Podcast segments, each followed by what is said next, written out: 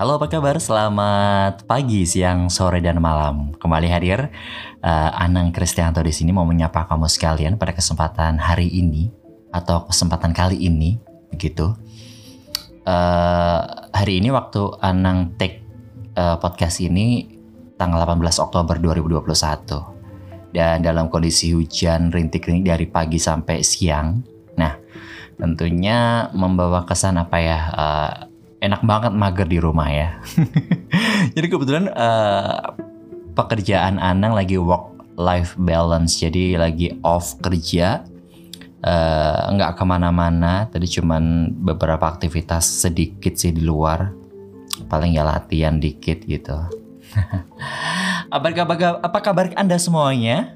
Apa kabar Anda semuanya pada kesempatan kali ini? Semoga selalu dalam keadaan sehat walafiat dan terus diberikan kesehatan dan selalu dilindungi oleh Tuhan Yang Maha Kuasa. Amin.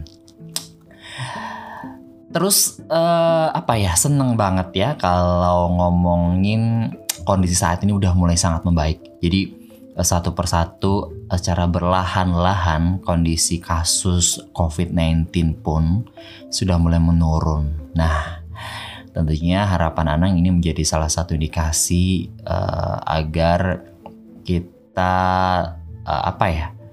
Dalam artian kita harus tetap jaga protokol kesehatan ya. Kalau udah semakin membaik bukan berarti free ataupun bebas gitu karena kita tetap menjaga uh, protokol kesehatan. Kenapa gitu kan? Nah, jangan sampai kita nanti kedatangan namanya uh, setweet atau gelombang ketiga kita harus menjaga semuanya di sini. Uh, jadi dengan apa? Ya tetap patuhi protokol kesehatan sesuai ketentuan yang berlaku di masing-masing wilayah tentunya ya kan.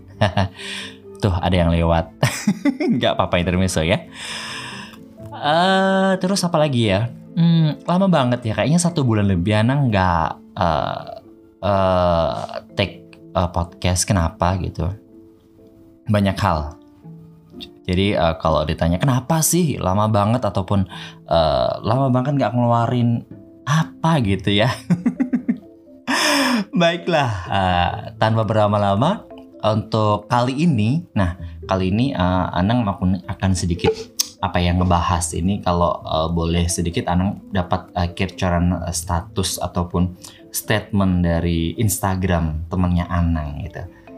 Uh, cukup bijaksana dan dan cukup wise kalau Anang lihat ya, karena di situ uh, apa namanya mengungkapkan storytellingnya tuh bener-bener dalam storytelling ya ceritanya. Jadi uh, ini statement dia atau caption dia tuh seperti ini. Belajar tenang, pernah menyesal karena terburu-buru, belajar sabar, akan ada penyesalan setelah amarah, belajar ikhlas karena hidup harus terus berjalan. Cukup panjang, tapi kita akan uh, bahas satu segmen saja ya. Ini yang cukup menarik. Belajar tenang, pernah menyesal karena terburu-buru. Nah, kalau dibilang kita belajar tenang memang harus ya. Kita harus selalu belajar tenang. Jangan sampai kita menjadi orang yang terkesan terburu-buru. Terburu-buru entah itu dalam mengambil suatu keputusan atau terburu-buru karena uh, kita memang dari diri kita itu mempunyai sifat yang namanya reaktif. Ya kan? Jadi kalau orang yang reaktif itu kadang terkesan sangat terburu-buru. Dan impactnya apa jika kita terlalu terburu-buru? Nah, salah satunya adalah di sini dia menuliskan pernah menyesal karena terburu-buru. Jadi, poinnya adalah ya memang kita harus belajar tenang. Uh, dipikir lebih dalam lagi, disabarin, memang tidak mudah. Anang ngomong pun ini juga nggak mudah ketika harus menerapin pada diri Anang, ya kan? Uh, tidak mudah untuk tenang ketika ada suatu masalah, ketika ada suatu uh, rentetan persoalan yang harus segera diselesaikan. Tapi setidaknya uh, kita harus menekan rasa reaktif. Kenapa? Karena kalau kita terlalu reaktif, kadang kita tuh bisa uh, mengambil suatu keputusan yang salah dan endingnya apa? Menyesal karena terlalu terburu-buru. Jadi memang uh, simple banget belajar tenang, pernah menyesal karena terburu-buru. Itu sangat simple tapi uh, apa ya? bermakna sekali, ya kan? Mungkin buat teman-teman yang uh, sebelumnya atau mempunyai sifat yang selalu terburu-buru, sifat yang reaktif itu sangat penting sekali buat kita untuk mengontrol diri, ya kan? Jadi uh, lebih tenang. Nah, permasalahannya di mana sih? Kan seperti itu.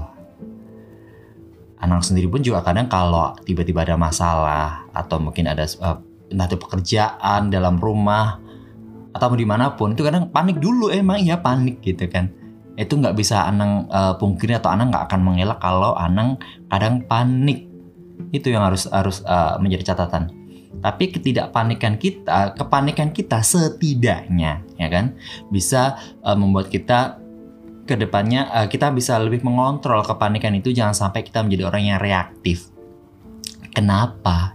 Tadi pernah menyesal karena terburu-buru. Jadi uh, simple tapi penting juga buat kita bahwa kita harus menjadi orang yang lebih uh, apa ya uh, berhati-hati, bisa mengontrol diri, tenang ketika ada suatu permasalahan atau persoalan ataupun apa pun itu yang kaitannya ada pengambilan keputusan. Jadi kita harus tenang, kita lebih kontrol Eh, sehingga tidak tergesa-gesa dalam mengambil suatu keputusan.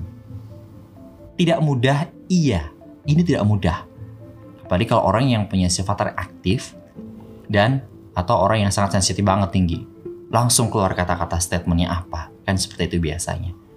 Nah, untuk meminimalisasi ini, nah makanya kita harus belajar tenang Nah ini gimana sih? Wah kalau ngomongin masalah gimana cara bisa tenang, nah ini anak bukan pakarnya. Emang kadang susah juga kan ketika kita harus uh, berusaha untuk tenang. Ya mungkin kadang, mungkin kadang itu gimana sih? Kadang memang oh, kita ngelihat orang ataupun orang lihat Anang gitu, wah bisa tenang, bisa ini. Ya itu kelihatan dari casingnya doang kan. Tapi nggak tahu kita hati, pikiran kita tuh seperti apa. Even uh, di semua itu ya tetap kita mencari solusi bagaimana kita bisa memberikan suatu keputusan yang baik, yang berimbang, tidak terkesan terburu-buru dan tidak ada penyesalan nanti di akhirnya. Nah, jadi poinnya adalah kita harus belajar tenang, harus dilatih. Memang tidak bisa secara instan, tapi secara berlahan bagaimana sikap kita ketika menghadapi persoalan-persoalan kehidupan. Nah, kayaknya sulit banget ya.